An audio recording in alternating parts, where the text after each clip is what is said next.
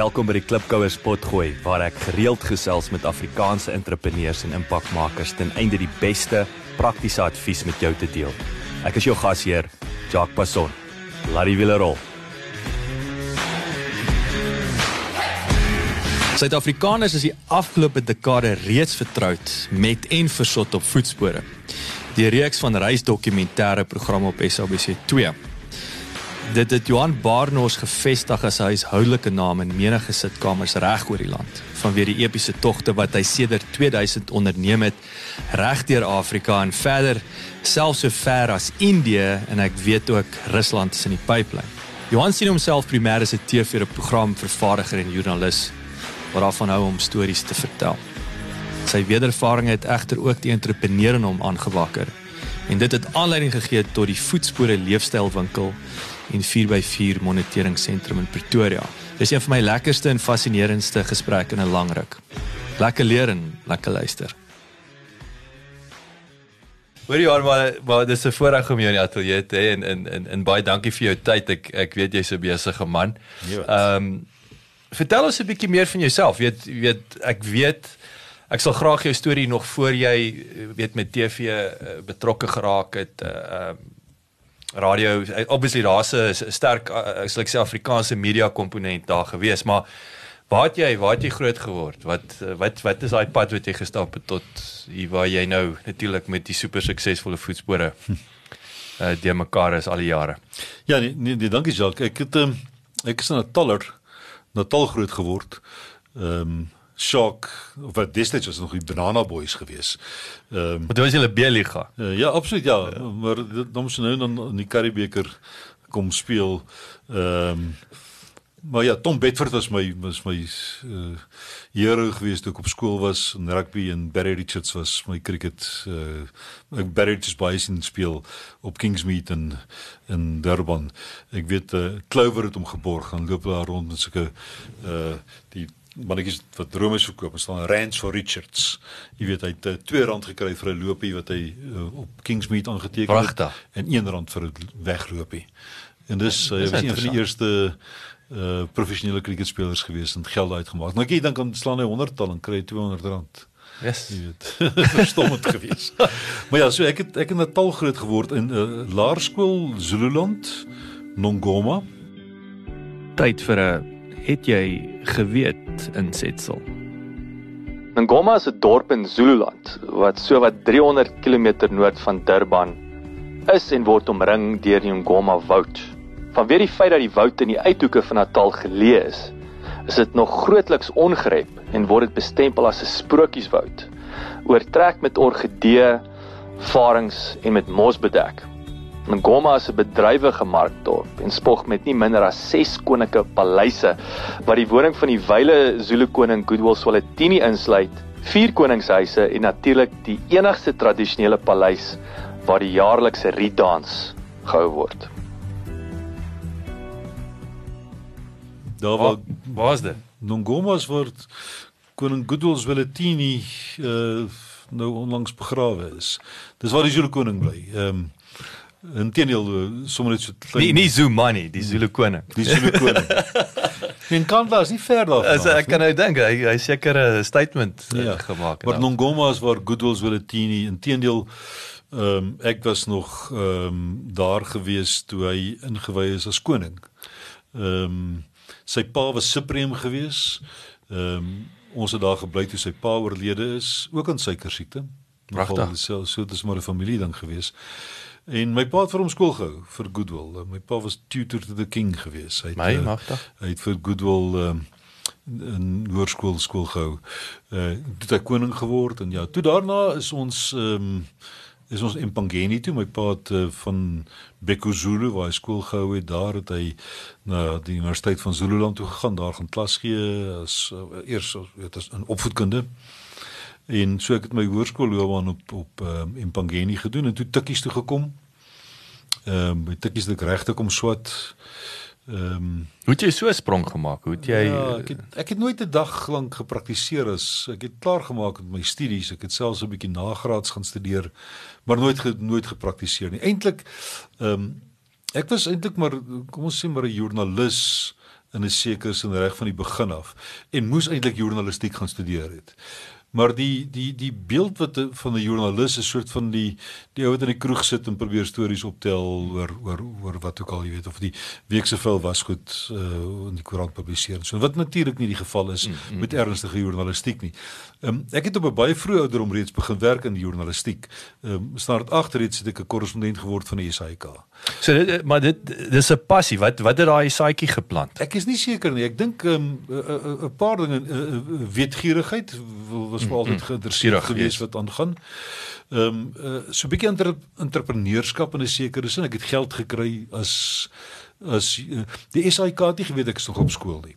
En daai stadium met ehm um, men ek het dit vir ons uit gesê, oh, ek het op my pangenie agterkom maar is nie streeks nuus nie. En toe skryf ek vir hulle 'n brief te sê ek, ek kom agter julle nie korrespondent op op in pangenie stel julle blank. Dis julle assured. Toe stel hulle my aan Toe koop ek vir my 'n reënmeter en as dit reën dan bel ek deur en sê ek dit het in Pangeni 30 mm gereën, dan stuur ek vir R15. My magtig. Ehm um, ek het uh, agtergekom dat uh, oor naweke is wanneer ongevalle plaasvind, dan ek het uh, nie net die polisie se nommer gehad vir die ambulansdiens nie, maar ook die lijkhuise en en agtergekom die ouens by die lijkhuis is baie meer gereedelik om vir jou inligting te gee, jy weet. As hulle vir jou daar 'n 54-jarige man het selfmoord. Dan gee ek dit deur na die SAIK toe. En dan kry jy geldjie. Kry ek R40 of die meeste geld wat ek gekry het was 1976 geweest. Ek was toe in standaard 9 en toe die onluste uitgebreek uh in Soweto en so en ook ook op op Empangeni. Ehm um, die eh, eh, uh, uh biblioteek is in die brand gesteek. En toe bel ek die SAIK net met die wenk eintlik. En toe stuur hulle 'n helikopter uit wat wat dit kom afneem het. En as vir die nuuswenk het ek R200 gekry. Blikskorrel, maar wat is 76 Wat praat daai? Nou praat dis is amper 'n wat was 'n goeie salaris daai tyd? R500 nê nee, vir 'n ja. maand, R1000 wat jy Ek het jare later in uh, 1980 het ek eh, terwyl ek nog geswat het het ek het ek um, gaan werk by Oggendblad die uh, wat toe 'n koerant, 'n prominente koerant in Pretoria was. Daar was Oggendblad in Hoofstad en uh, die Vaderland en die Transvaalder was als deel van Perskor gewees. En ek het vir Oggendblad gewerk hier in Pretoria en my eerste salaris cheque was was R460 gewees. So R200 in 1976 was baie geld gewees. Yes, like. So wat wat was daai uh 'n indikasie dan van die finansiële gesondheid van van ons koerant besighede daai tyd. Ek bedoel dit voel vir my dis die teenoorgestelde vandag. Is die manne ja. is dis 'n sinkende skip aan die een kant. Uh, Hulle seker dat Naspers het amper alles oorgeneem. Maar dit het nogal 'n redelike effek op wat ons op eendag het ook binne die televisiebedryf in Suid-Afrika. Die hele Perskor groep was daarmee heen. Jy weet toe ek toe ek jonk was, toe ek 'n student was, was het Perskor betaal bestaan uit hierdie vier koerante uit en Naspers het een koerant gehad, naamlik Beeld en Perskor en Naspers het saam rapport besit 50-50 en die beeldkoerant het doodeenvoudig Naspers uh uh, uh altes Perskor doodgemaak. Pragtig. Uh, uh jy weet Transvaalder het gegaan, die Vaderland het gegaan, Oggendblad het gegaan, Hoofstad het gegaan. En op een sit ons vandag net met beeld. Ehm um, en en Perskor natuurlik ek dink as jy daai jy die dagbreek trust nê nee, is daar van daai geld wat daar Daar's baie geld nog in die dagbreek trust. Is, is, maar dit is is die was die voeding was Perskor nê nee, ek sê yes, yes yes yes. Ek ken die detail nie heeltemal af van nie maar daar lê nog 'n hoop geld wat wat baie keer goed gespandeer word in Afrikaner kultuur. Ja, ek dink afrikaans.com is is is is 'n kind van Absoluut ja. Ja, ja. en en hulle, hulle eh, teens eel of hulle sit sit in hulle besluit oor daar's 'n klomp ouens. Hulle sit met 'n pot vol geld en hulle hulle, hulle besluit waartoe gaan dit. Baie geld gee hulle vir kyk net vir televisieprogramme wat gemaak word vandag nog. Tyd vir 'n het jy geweet insetsel.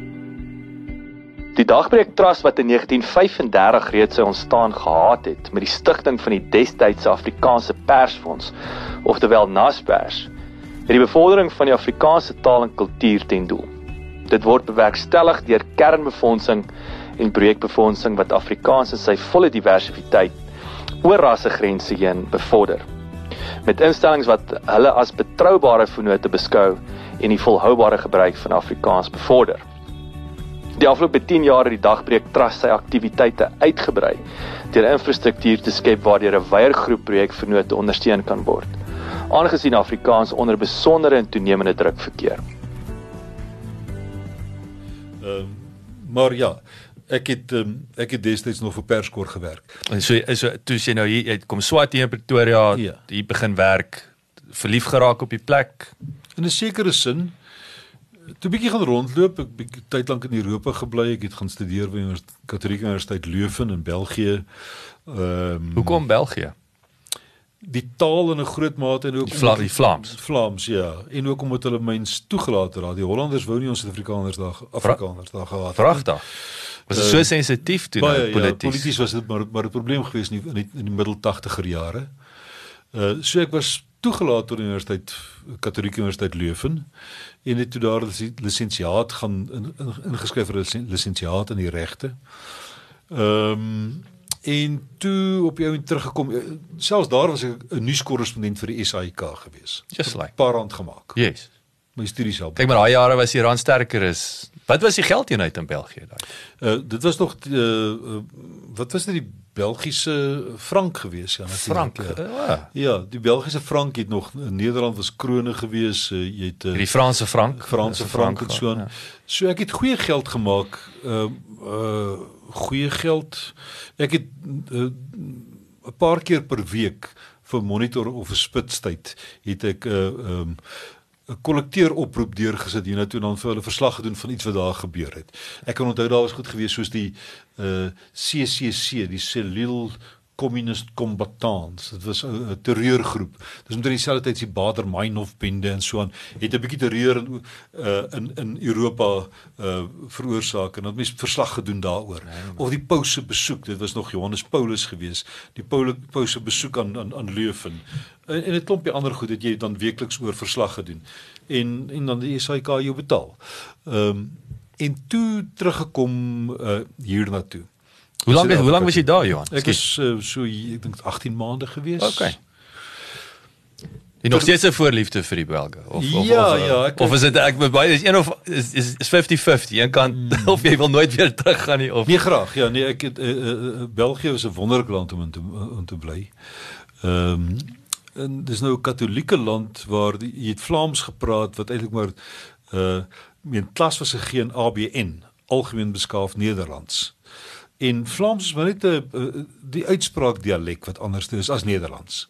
Maar hy's tog nader aan Afrikaans ook, nee, dis net wat so lekker te staan. Yes. makliker om te verstaan. Nie die die die die die die taalkonstruksie is, is dieselfde as Nederlands.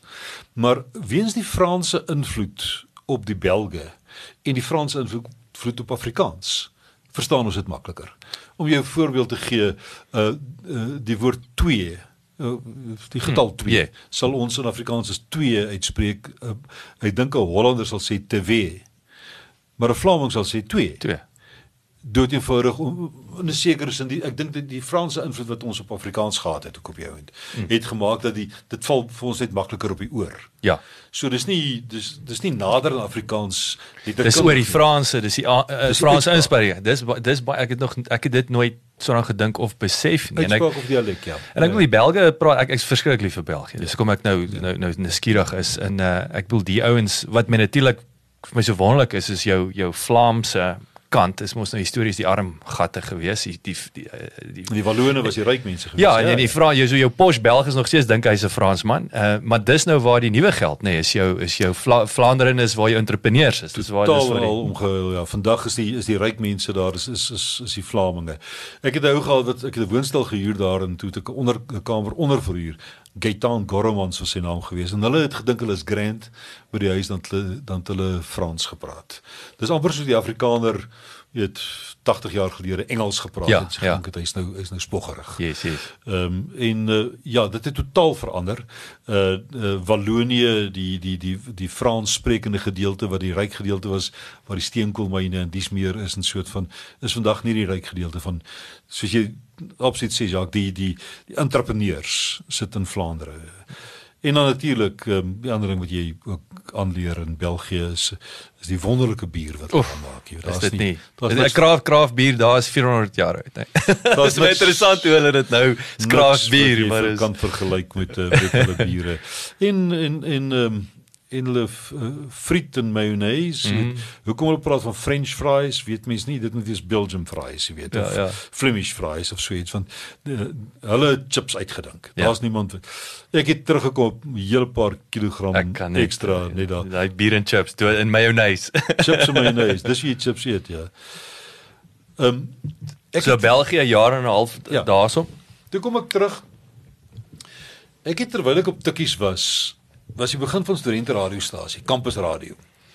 En ek was die tweede hoof gewees van Radio Tix. My vriend Christof Heinz het Radio Tix begin of eintlik Matty Creer het al die ding die ding uitgelê maar toe in 1981 het Radio Tix begin. Vandag nou Tix FM. Ehm um, in 82 was ek die tweede hoof van Radio Tix. En ehm um, eendag toe die SAK se direkteur-generaal die Tikkie kampus besoek die rektor het hom 'n bietjie rondgewys om te sê maar hier's ook slim mense by Tikkies. Moenie net na Wits of RAI toe gaan in daai stadium as jy iemand wil kry op TV of op radio om hmm. kommentaar te lewer nie. Kyk bietjie hier's. En toe kom hulle ook te sê ons selfs ons eie radiostasie. Hier is Radio Tix en toe het hulle daar aangekom en toe hulle so uitstap te sê die DG vir my hoor as jy enige job wil hê eintlik net om net om nice te wees. Enige job wil hê bel my jy weet. Ek sê dit 'n paar jaar later toe dink ek natuurlik uh, ek het mos almal gehad. Ja. En toe bel ek so toe en toe verwys hulle my na die een en die ander op eindig ek by Johan Pretorius en Christo Kritzinger en hulle doen met my 'n uh, uh, uh, toets ek het geen journalistieke ondervinding behalwe vir die praktiese ondervinding. Ja, jy het nou Johanne vel gemaak van 'n jong ouderdom af. En hulle het my toets skryf en al so en toe toe maak hulle vir my 'n aanbod. En dit is nou is daar ooit 'n graveyard shift was by die Suid-Afrika. jy weet hoe dit lyk like ryk en voel. toe begin ek werk as 'n nuusskrywer op Goeiemôre Suid-Afrika van 12:00 die nag af tot 8:00 die oggend. Yes. Nie aanvanklik ek gedog ek gaan dan weet dan iets anders te iets bietjie beter kyk. Nou nie gedink ek gaan die 8:00 nuus lees nie, maar ek het dan met ja. Maar as jy vir die beste goed wat ooit met my kon gebeur het, want vir die volgende 2, 3 jaar is dit wat ek gedoen het.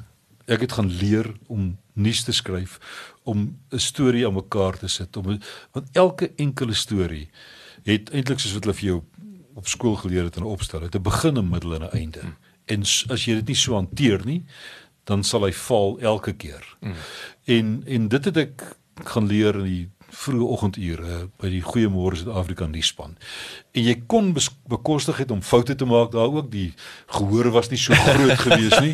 Daar gaan min klagtes inkom. um, en stadig maar seker toe my weg daardeur gevind uh um en by SAK begin werk. 4 jaar lank daar gewerk, ja. Sjoe, en so hierdie was nou vroeg 80. Hierdie was gewees tot en met uh 1986 tot my heel laaste job wat ek by SAK gedoen het stupid wat ek was. Is in 1990 te word Nelson Mandela vrygelaat. In daai stadium uh, uh maak Jan Skols my 'n aanbod om by hom te kom werk. Ehm um, hy vra vir my wat my salaris is en ek sê vir hom hy sê okay, sal dit match my goeie maatskappy motor in.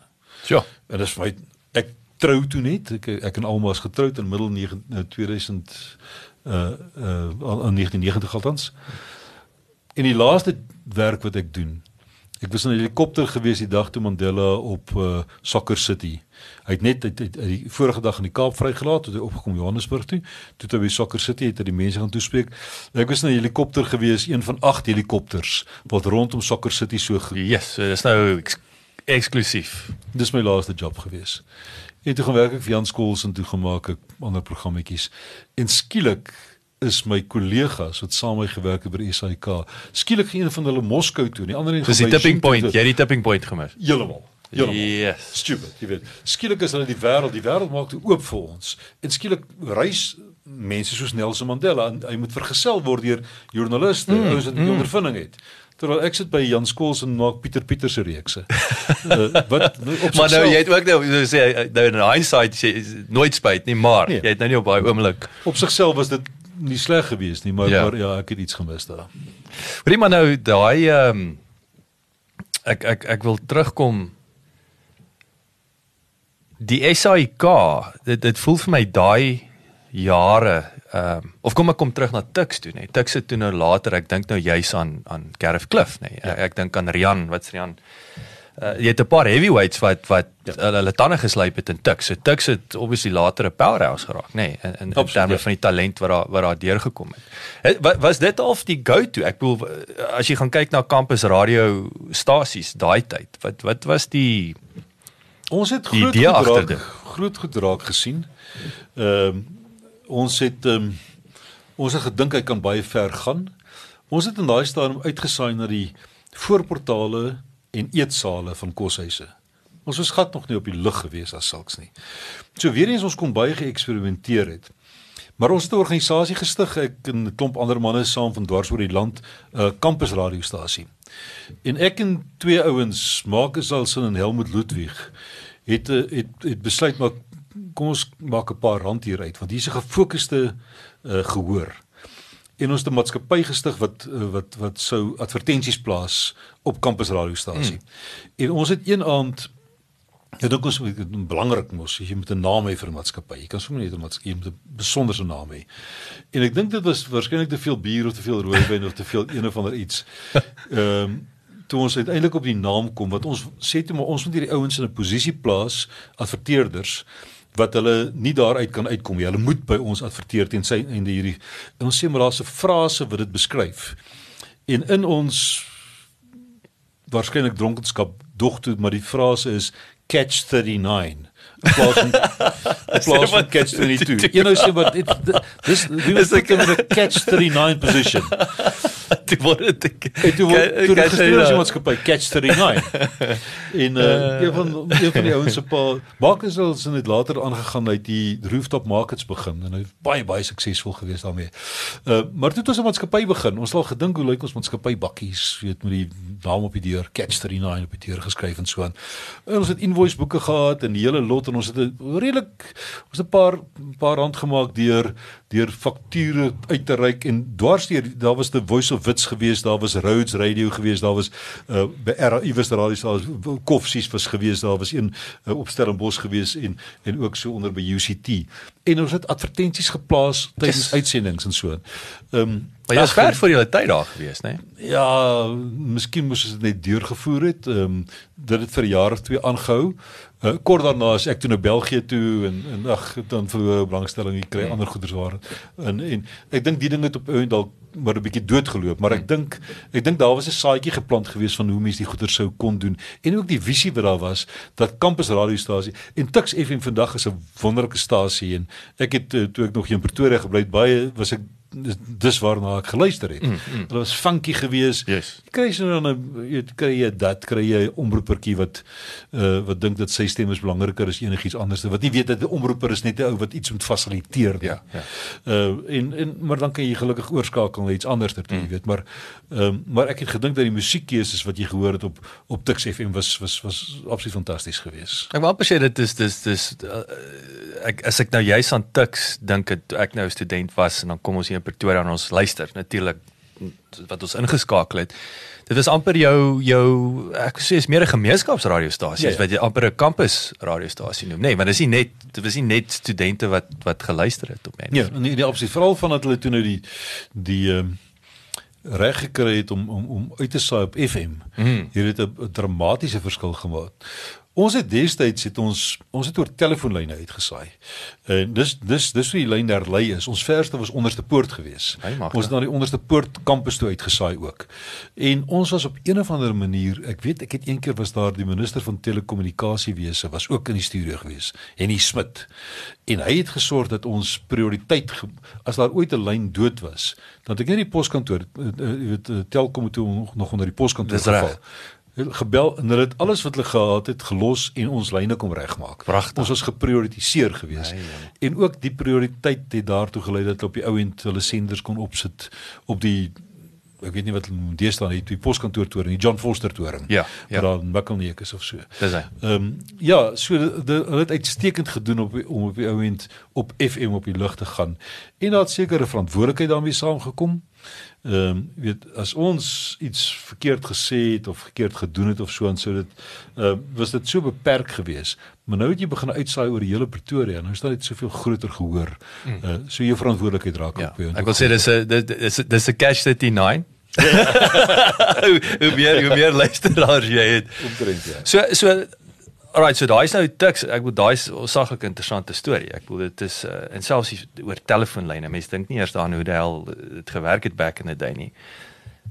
SAIK vroeë 80s. Jy weet dit voel vir my dit was hierdie absolute ehm um, kreatiewe vibe niks was onmoontlik omgewing en ek bedoel jy het nog steeds ons het, ons ons legendes in in TV ek dink nou aan aan, aan Johan Stemmet wat ek daai tyd ek dink hy het nog vir my gesê hy in in in Johan van Rensburg uh, moes die musiek uh, kickstart wil ek amper sê die, die departement daarso by die SAIK nê nee. so wat hoe dit gelyk daai tyd uh, um, Daar's twee dinge wat mens moet sê daaroor. Die een is dat daar was geweldig baie energie gewees.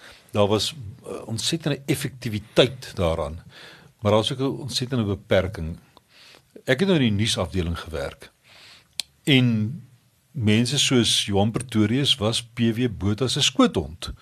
En en en en hoeveel ek was die dag daar gewees toe Ellen Hendriks se gaan swem met en en PW ingebel het en gesê haal dit van die lug af. Um, en dan gebeur dit. En dan gebeur dit onmiddellik, jy weet. Um, ek het 'n bekende televisievervaardiger op die oomblik Wynand Dreyer, uh, Wynand wat wat uh, mega boere byvoorbeeld maak. Um, ek was by gewees uh, of in die omgewing of in die kantore gewees wat wat uh, PW Botha uh se vrou tannie Elise inbel en verwydend vra om tydens die verkiesingsuitslae musiekvideo's van Rosaan op die lug te sit. En dan het dit gebeur. Ja. Ehm um, maar die studios was vol gewees. Daar was besonderse kreatiewe werke wat onder sekere klomp mense gebeur het, maar daar was ook 'n 'n klomp mense ehm um, ek onthou vir Betsy Grawe wat saam gewerk het, sy's later Amerika toe. Wat hierdie probleem sy het my die eerste keer boer en beton gewys wat wat uh, die musiekvideo van van Koos Kombuis. Mense wat so begin voel het wat ook daar gewerk het. Wat uit die aard van die saak is mense wat in radio en in televisie werk is kreatiewe mense. Mm, mm. En baie kreatiewe mense is klein bietjie meer liberaal ja. as as So daar was hierdie waghond gewees van van sekere klomp mense wat gesorg het dat ons nie uh Ek wou een keer het ek het ek 'n reeks gemaak vir Goeiemôre Suid-Afrika oor oor die stand van opvoeding in Suid-Afrika en uh ek wou onder andere another brick in the wall en ek was 100% verbied gewees om dit te gebruik het. Pink Floyd, Pink Floyd se se mag dit mag hy musiek was net eenvoudig jy het na die diskoteek toe gegaan en dan was daar dis verstommend geweest dat jy plate gehad het waarvan uh, sekere snitte daar's daar's daar's op die uh, op die plaat omslag is daar geskryf dat dit is gesensor. Maar dan om te sorg dat iemand in die mid, midnight shift dit nie dalk nog steeds uitsaai nie, is daar fisies met 'n naald daardie snit gekrap. My jammer. Dat jy kan hom nie speel nie. Dit is nou voor serie tyd. Ja, ja, ja. Die, die langspeelplaat of so is daar uitgekrap dat jy nie met hom so daar was hierdie ek weet nie of dit die broederbond of die of wie dit was wat gevoel het hulle moes hierdie beheer uitoefen oor hierdie en soos hulle vind dwars deur die wêreld die ouens vir die uitsaaistasie beheer voel hulle beheer eintlik die land en die siege van die mense hmm. en alles daarmee saam. Ehm um, nie alles was sleg geweest nie. Alles daar was baie kreatiewe dinge wat wel gebeur het daar. Uh, dis hartseer om vandag in die SAIK en ek kom nog steeds baie daar om daar in te stap en sien hoe hoe verlate die gange is. Uh, ek stap na die kantien toe en daar gaan destyds toe ek daar was was die kantine 'n verskillike gewilde plek waar ons gaan sit het en gaan eet en gaan koffie drink het en en, en dinge gedebatteer het en en die vandag staan niks. Dis jou koeler wil ek aan jou water cooler 100% 100% gewees. Die studios wat daar was, jy weet, uh, uh weens oneffektiewe bestuur oor die jare het ouens buite buite toe gegaan en op ander plekke dinge gaan. Ek was nou vroeër hierdie week uh, was ek 'n gas op Espresso gewees wat die oggens ontbyt uh, program wat uit Kaapstad uit aangebied word in 'n kantoorblok uit. Nou dit moes mos eintlik binne die SAIK ja. gewees het. Uh, maar innoverende mense so Patient Stevens het gegaan en en dit is wel moontlik vandag om uit 'n kantoorblok uit 'n uh, breakfast show te hardloop 5 6 dae van die week baie baie effektief baie baie professioneel. Mm. Ons het destyds goeiemôre Suid-Afrika uit die nuusateljee uit gehardloop. Ehm um, ons nie ek meen ek was met 'n klein uh uh willetjie in in in daai groot radkas wat daar was. Maar maar dan was daar die groot studios gewees uh, by die SAIK self waar daar musiekkonserte waar waar noot vir noot uh, opgeneem en en en vanaf uitgesaai is. Uh waar daar dramas opgeneem is en dis meer. Nou daai goed is net meen as jy gekyk het as jy uh, om net deur die SAIK se wardrobe departement departemente gestap het, was net 'n verstommende plek. Vandag jammer om te sê, maar daar's nie daar's nie veel oor nie. 'n Plek waar ek ontsettend baie tyd gespandeer het, ehm um, veral in die maak van dokumentêre programme uh en dis meer en so van die SAIK se argiewe. Ehm um, ja, wat is die stand van sake daar? Ek weet hulle het 'n stadium die hele argief verkoop aan kyk net of aan aan aan en Mnet. Mhm. Ehm um, maar ek, ek sê dankie tog dat ten minste ek is nie seker hoe dit gegaan het ek dink Claudio Motsoeneng het vir aan Mnet verkoop vir 12 miljoen en vir homself 2 of 3 gegee as 'n kommissie of so iets. Ek hoop ek hoop dit is nog aan orde. Ehm um, want want daar is Ek het eendag 'n program gemaak, 'n dokumentêre program oor die ontwikkeling van televisie in Suid-Afrika, hoe dit gebeur het. Hoe Heinrich Marnertz en Dorian Berry eers daar gesit het en gesê het, "Hello, welcome," jy weet, 'n uh, uh, goeienaand, welkom by die SAIK. Uh die mense is Betty Kempag en dis meer en soort van wat aanvanklik daar begin werk het. Ehm um, so daar's 'n ontsettende ryk argief wat daar gelê het. Later van jare het ek 'n televisiereeks gemaak uh, oor die ontwikkeling van Afrikaanse musiek. Ehm um, eintlik vanaf die luisterliedjie en verder, maar jy moes bietjie dieper teruggedelf het van groep 2 en voor groep 2 wie was daar toe selfs tot by Chris Blighnout se tyd. Nou dit het daar gelê in die argiewe.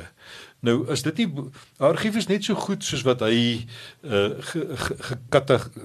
gekategoriseer ge, ge, is. Ja katalogus moet daar wees. Mm.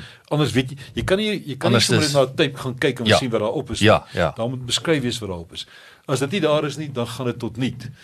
Ek hoop maar vandag is daar nog iemand wat daarna kyk. Sjoe, sjoe. Ek dink nou jy weet ons nou al die jare in Engeland was, nou wat interessant was wat ek nogal snaaks vind aan die een kant, eh, Showmax. So in Engeland met Showmax het is toegang op daai stadium gehad tot al jou ou klassieke El Debo en Frederik Burgers flieks. Nou stel ek my kinders bloot daaraan.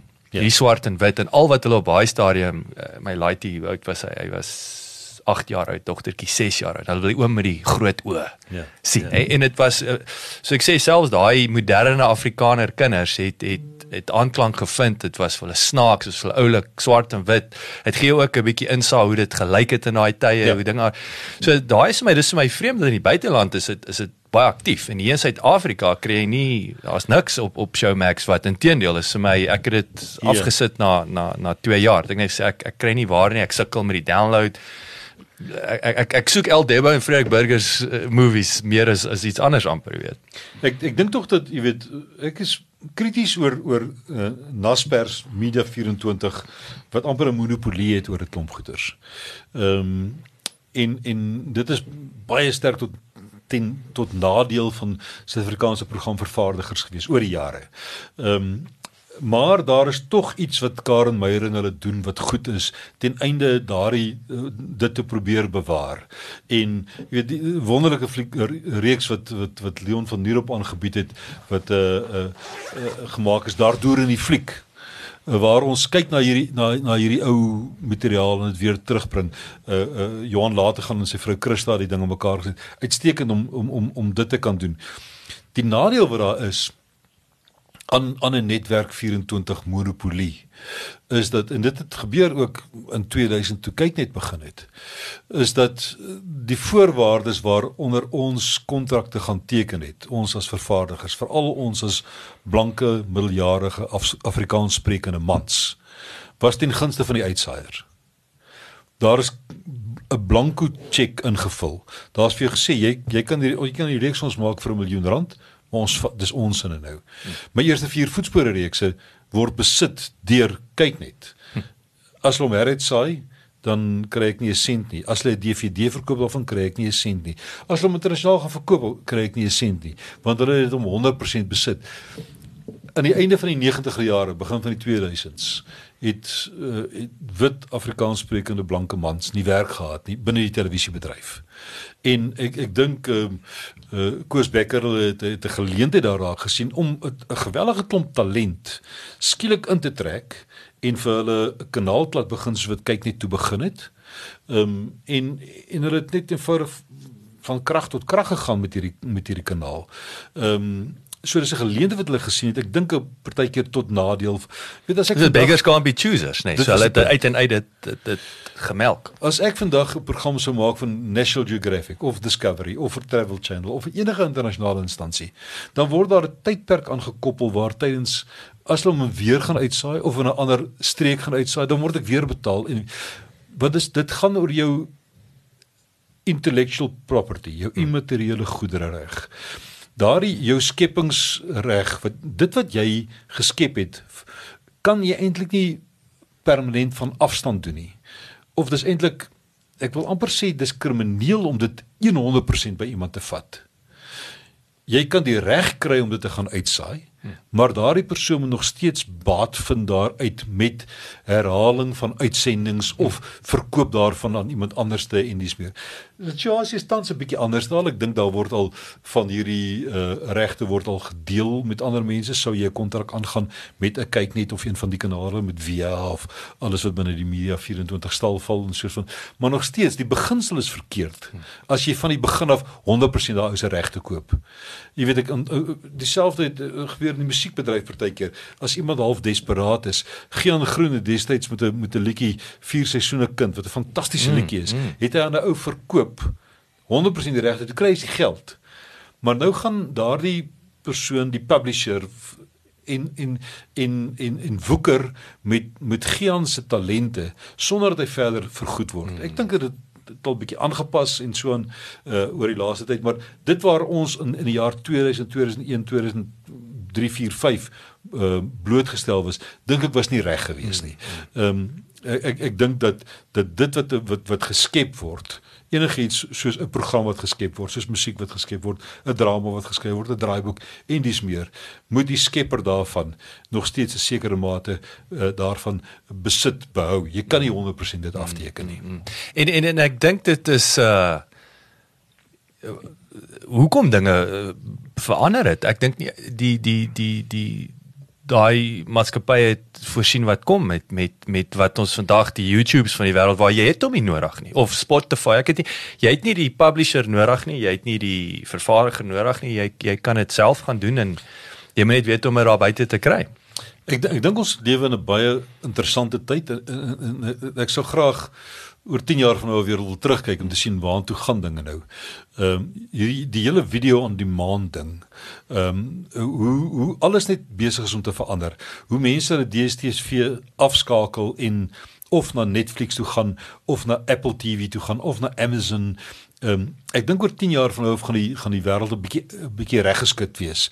Op die oomblik elke tweede ou probeer maar op sy eie ding doen en een ding hardloop in 'n rigting en hardloop weer in 'n ander rigting.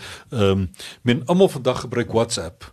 En dan skielik kom kom jy ons nie meer nou Telegraph en so en, en, en dan uh, jare terug was daar ander goeders gewees met my kinders mee ek kan nie eens meer onthou wat dit was nie maar uh, uh, dit nie meer SMS nie maar daarna is daar wat is daar daar's een daar, ja maar ek onthou nog voor dit. Uh, my laaste jaar op universiteit hier in die 90's het ons pagers. As jy nou baie smart was jy 'n pagertjie gekry wat jy 'n boodskapie nê is dan ja, ja. iemand kon dit inbel. Ja dan's daar 'n ou wat die, en dan tik hy dit op en dan stuur hy vir jou dis dit was 'n moderne weergawe van van 'n SMS Die die, die goeie hardloop 'n klein bietjie weg vir mens uh wie is die omvang van inligting wat na jou kant toe gegooi word. En dit is baie moeilik om te identifiseer wat gaan nou eintlik vir jou werk en wat nie.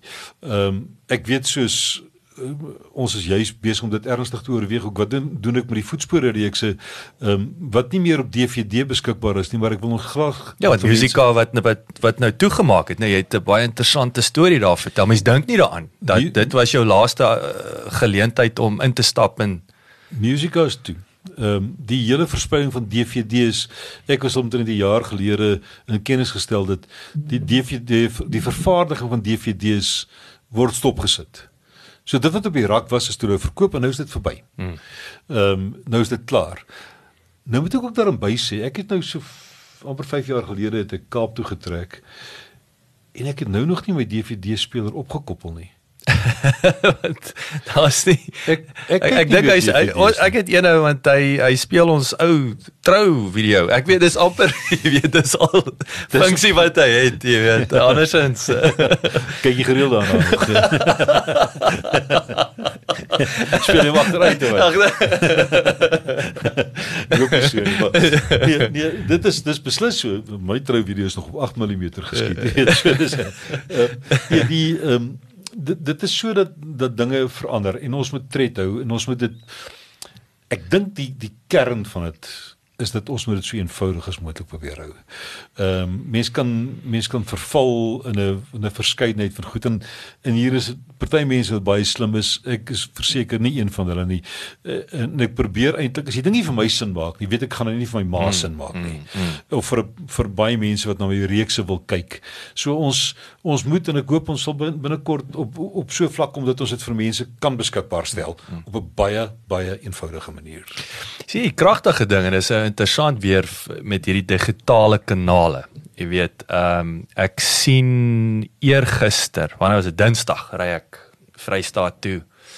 Ehm um, en nou het ek OFM geniet dit om 'n OFM aan te sit te kou oor die Valrivier en ek en nou vertel hulle hoe jou HBO kanaal uh, in Amerika wat natuurlik ek dink hulle hulle onlangste groot uh, sukses was mos Game of Thrones ja. en dan hulle nou ek het nie eers besef ek het al vergeet van die films wat hulle oor die jare ja. gemaak het soos Titanic weet hulle se full on Hollywood ja. uh, filmreis hulle het nou hulle uh, hierdie klassieke films het hulle die die, die voorprent gaan oorskiet in 'n moderne soos asof hulle hom nou gaan loods Nou so met ander woorde nou kan jy ek weet dink wat was die een wat ek nou gesien het uh was nou so Terminator of Titanic.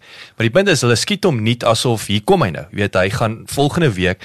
Maar die rede hoekom hulle dit doen is duidelik. Hulle hulle gaan kyk wat die mense dis 'n meetbare uh uh hulpbron om te sê maar luister, 3 kwart van die mense sê hulle kyk die Titanic voorbrand. Ek dink is tyd vir 'n vir 'n nuwe Titanic movie. Dis nou 'n simpel voorbeeld, ja, weet, ja. maar is maar as jy gaan kyk selfs na Netflix, Netflix se is 'n big data company. Ek glo wat vir my ongelooflik is van Netflix se besigheidsmodel is hoe hulle kan sien as jy hierdie direkteur vat en jy kombineer hom met daai akteur en jy en jy kombineer hom met hierdie genre, het jy 'n wenresep.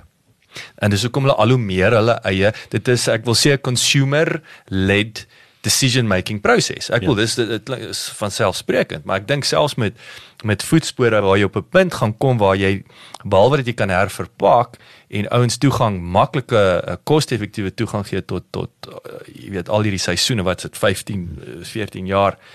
Ehm um, is dat jy gaan begin agterkom maar luister ouens het van hierdie trip die meeste gehou van 10 jaar terug. Kom ons doen daai trip weer oor. Ons gee hom 'n weet 'n vars of of trek hom 'n nuwe baadjie aan. So dis vir my verskriklik opwindend hoe meetbaar hierdie ding uh uh is en gaan word en hoe belangrik gaan word ten einde die die kyker en die in die verbruiker te te bevoordeel.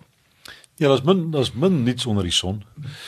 Ehm um, ons het byvoorbeeld nou onlangs toe ons um, nadat ek 10 reekse gemaak het van voetspore toe sê ons eh, kom ons kyk al die die spannetjie het nie baie verander oor die jare nie, maar ek vat toe al die hier en daar het 'n ou weggeval, hier en daar is ou oorlede. Ehm um, maar ehm um, vat die manne wat nog beskikbaar was en ons gaan ry ons heel ons oorspronklike roete weer. Twee dinge was verstommend. Hoe baie dit verander het en hoe min dit verander het. Baie baie plekke waar jy kom lyk vandag nog net dieselfde. En dan is daar plekke wat natuurlik anderste is. Ehm um, Ja, dit is altyd goed om dinge te gaan herbesoek, weer terug te gaan na waar jy was. Waarskynlik om verstom te staan oor oor Roomben dit eintlik anders eindelijk. is vandag, ja. Maar jy het interessant, ek wil nou nie uh, ek wil nou ons gaan nou 'n bietjie uh gesels oor oor voetspore die die, die weet ek wil 'n bietjie meer die besigheidsmodel uit mekaar uittrek, maar jy het 'n interessante ding uh gesê ehm um, eerste keer wat ons hier gesels het in die, in in in in ons raadsaal was dat of vertel net vir die vir die vir die luisteraars hoeveel ure het julle aanvanklik geskiet? Nou ja. En op op op film en hoeveel ure skiet julle nou met digitaal en natuurlik daai ek onthou jy gesê jy het net 'n bakkie gehad vir die vir die vir die vir die toeriste. Ja, die verstommende ding van destyds uh, 21 jaar gelede het ons ons eerste reeks gemaak in die voetspore van die grootes. Ek het een dit was nog 'n Land Rovers gewees Land Rover bakkie saamgery net om die video materiaal ehm um, saam te vat. En ek kan onthou hoeveel tapes daar was. Ja. Betacam tapes. Dis hier groot kamera, een kamera, een kamera geskiet. Dit was dit. Ehm um, en ons het uh, net 'n bietjie meer as 200 tapes gebruik vir die hele reeks halfuur tapes. So ons het 'n ons het um, 100 uur se materiaal bymekaar gemaak. En jy seker hard gewerk vir dit. Want jy moet daai ja. kamera die hele tyd nou rondskuif om, ja. om verskillende shots te ja. kry. Vandag skiet ons tot en met 8 kameras op verskillende plekke. Jy het jou primêre kamera, maar dan jy sien maar 'n hommeltuig in die lug en jy het 'n paar aksiekameras, GoPros en sulke tipe van dinge.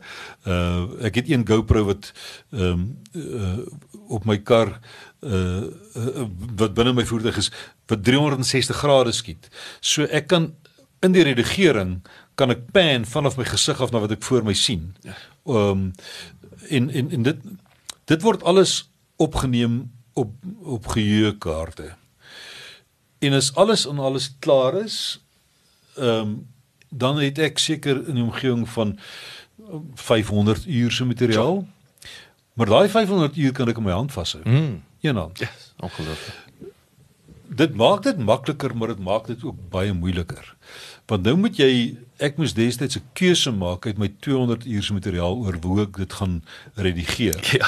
Nou moet nou, jy 500 uur probleem. En en nou moet ek deur dit alles kyk. Mm, mm. Ons uh, laat makliker die kameras net rol en rol en rol en rol en dan hoop ons iets gebeur langs die pad. En partykeer kry jy baie mooi toevallige goeders ook langs die pad. Ehm um, maar ek ek sê deesdae moet ons die kameramanne minder betaal en die redigeerders meer want die redigeringsproses destyds het altyd die grapie gemaak van fix it and post. Jy dis altyd 'n probleem fix it and post. Vandag is werklik waar wat gebeur. Jy sit stabiliseerders aan. As die as die kameraman se uh, as as die skoot 'n bietjie gebewe het, dan sit jy dis al klaar in die kamera gestabiliseer, maar nou kan jy dit nog in naproduksie nog verder stabiliseer. Ek het nooit destyds het 'n kameraman eerste ding wat hy doen is hy die kamera op 'n tripod gesit. Hy het hom gebubbel, hy het gesorg dat hy dat hy horisontaal is sodat as hy as hy as hy pan van links na reg dat dit nie so boog loop nie dat hy reguit loop. Ehm um, Verder het hy gesorg dat sy wit balans reg is, so dit wit wit is. Kyk, 'n kamera is 'n digitale ding. Jy moet vir hom sê wat wit is. Mm. En afhangende van wat die kleur van die lig is, is dit 'n geel lig of 'n blou lig of wat ook al is, 'n neonlig en 'n gewone gloeilamp gee vir jou verskillende kleurlig. So nou moet jy vir hom onder daardie lig sê wat is wit? Wat sien hy? So doen jy doen 'n wit balans. Yes. En daarvolgens dan pas hy al sy ander kleure aan. Deesdae doen geen kameraman dit meer nie. Hy word sommer in naproduksie word hy word hy gegrade soos hulle sou sê om dan die kleure aan te pas. Die effek daarvan is dat jou naproduksie vat baie baie langer. So ek sê ons moet die helfte van die kameraman se geld wegvat en vir die redigeerder gee want dit is in die naproduksie waar hierdie goeders nou reggestel word. Ehm um, jy het wel baie meer meer materiaal waarmee jy kan werk ehm um, ervare mense doen goed daarmee, onervare mense uh maak die kyker mal om omdat hulle met allerlei redigeerfoefies en dis meer dood eenvoudig jou jou oë begin seermaak. Jy weet jy kan nie 'n dokumentêre program redigeer as dit 'n musiekvideo is nie. Hmm. En dit verloor mense partykeer 'n bietjie uit die sig uit. So uh uh alhoewel ons baie meer toegang het tot baie meer materiaal. Jy kan selfs met jou met jou iPhone kan jy 'n uh, vollengte rolprent gaan skiet hmm. vandag. Dis moontlik. Maar jy moet nog steeds weet wat jy doen. Hmm. Jy moet nog steeds nie, die kuns van storie vertel moet jy steeds verstaan.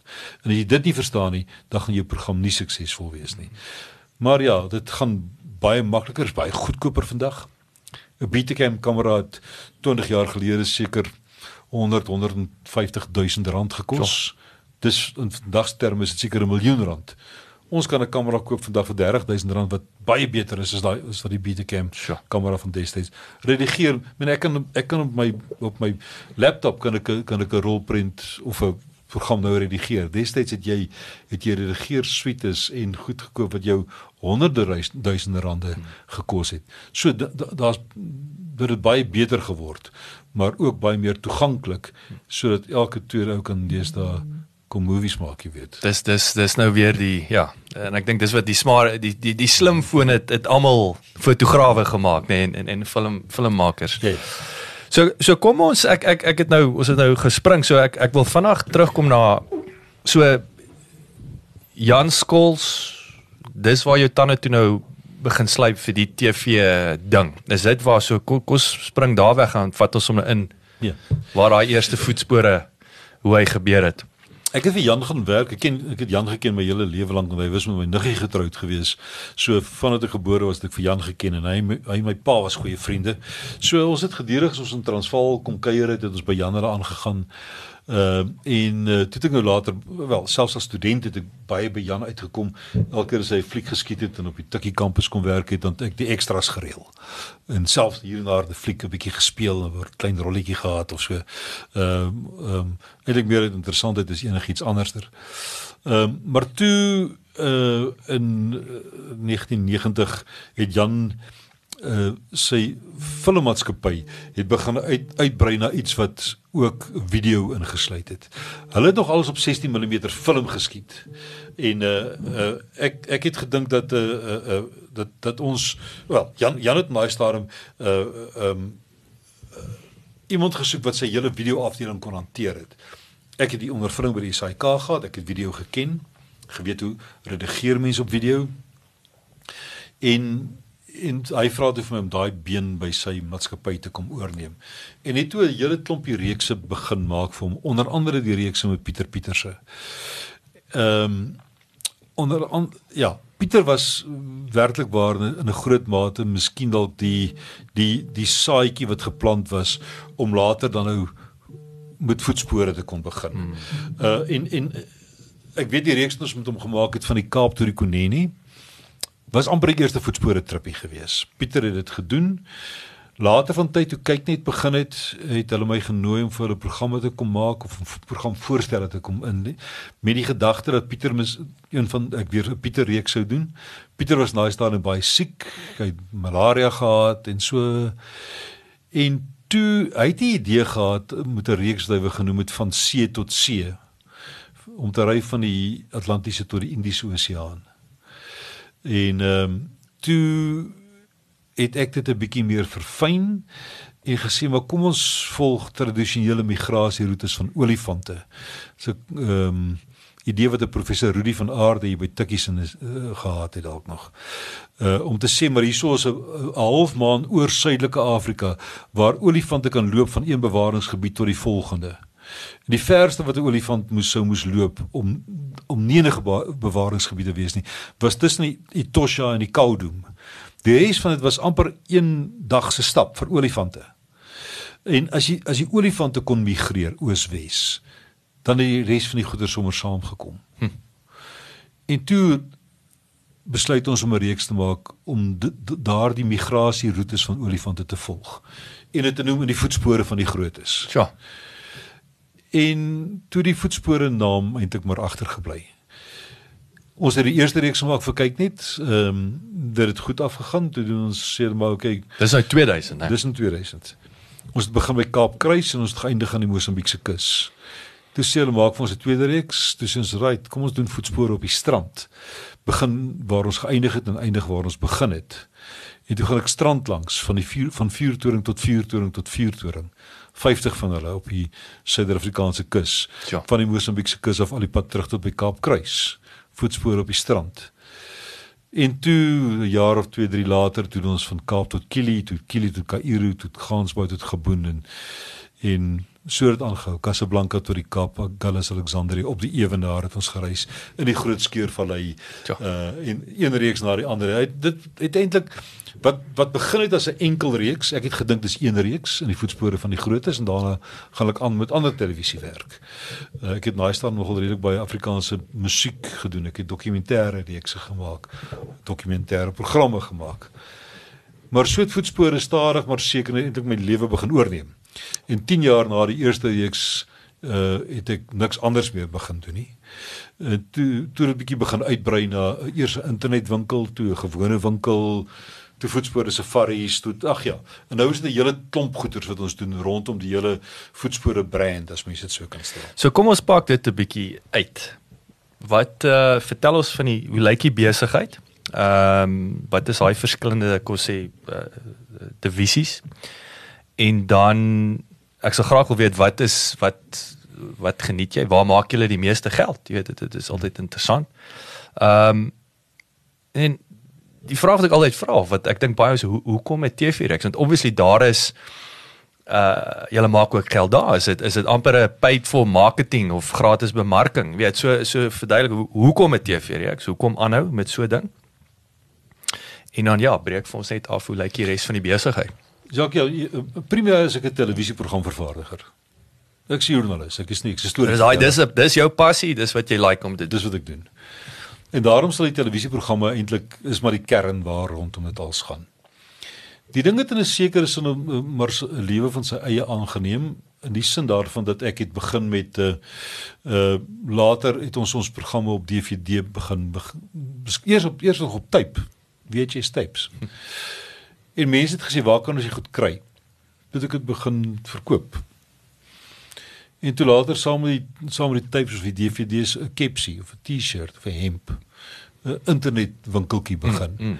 Wat daartoe naderhand gelei het dat ons 'n winkel oopgemaak het. Dit is al bietjie meer as 8 jaar, 9 jaar gelede. Ehm um, ek ek moet miskien eendag 'n teksboek skryf of iemand nooi om 'n teksboek te kom skryf oor ons ondervinding in die verband. Want dit is glad nie so eenvoudig of maklik soos mense dink nie. ja. Ons het elke enkele klas elke klas fout wat daar is het ons gemaak. Uh en moet ook nie dat enigiemand vir jou vertel 'n besigheid het het 'n 1000 dae nodig om staan gemaak te word nie. Hy het veel meer nodig as dit. Ehm um, ons het die winkel geopen hier so in Woodlands in Pretoria. Ehm um, fantastiese opening gehad. Daar duisende mense gekom. Dit het So ekskuus ek van jou rede net vir die nie Gauteng so Woodlands is 'n is 'n is 'n is 'n nice uh, uh winkelsentrum hier in die in die nuwe ooste van van Pretoria. Nee, ja, so jy ja. het nou julle spasie in die mall. Baie belangrik wat jy daar sê. Dis 'n mall, dis 'n winkelsentrum. Dit is in die ooste van Pretoria. Ons maak 'n 4x4 fitment senter oop. Fitment centers kry jy nie in 'n mall nie nie teen hier. Ja. maar dit en nou nou as jy terugkyk besef jy dit.